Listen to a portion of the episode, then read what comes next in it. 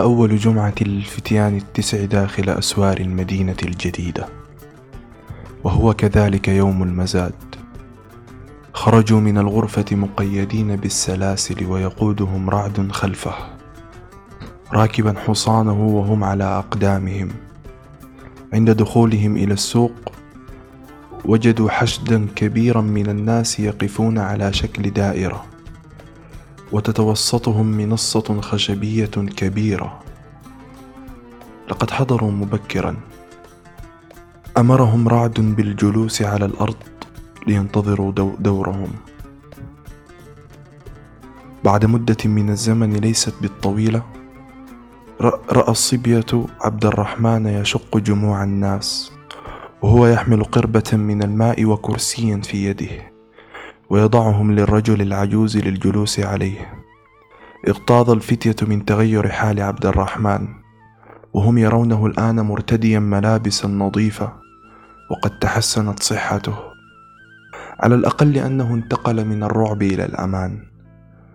ثم حضر العجوز المخيف وجلس على المقعد الذي أعده له صبيه عبد الرحمن.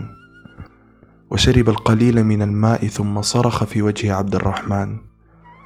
أيها الغبي من عبأ لك هذه القربة؟ فأجابه عبد الرحمن أنه رعد من أعطاه هذه القربة. رعد هل تريد قتلي أيها الحقير التافه؟ هذا ماء مالح أيها الغبي. أقسم بالله العظيم أني على شفا حفرة من قتلك. قال رعد أنه لم يملأ هذه القنينة ولكن مجددا. خدعه عبد الرحمن. دعوني أشرح لكم المشهد قليلا. في هذا المزاد لا يسمح البيع بالمال. أنت تقايض ما تملك بما تريد. هل فهمتم؟ الساحة الآن ممتلئة. كل رجل يحق له أن يبيع ما يشاء أو من يشاء. كلهم واقفون على شكل دائري حول تلك المنصة. أما تجار الصبية فكانوا يجلسون في الصف الأول قبالة المنصة ويجلس الصبية حولهم. مشهد أشبه بالزعماء وحولهم فتيانهم يفترشون الأرض.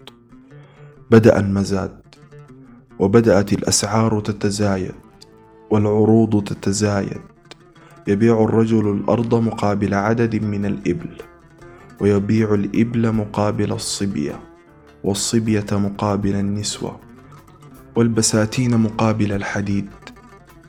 بلغ المزاد أشده. باع الرجل سبعة من صبيته مقابل عشرين ناقة. ولأن حرفته الأصلية هي الحدادة كان يبحث عن من يريد صبية مقابل كمية من السيوف وقطع الحديد. تبقى الفتى غلام وصبي ضخم الجثة اسمه أسامة.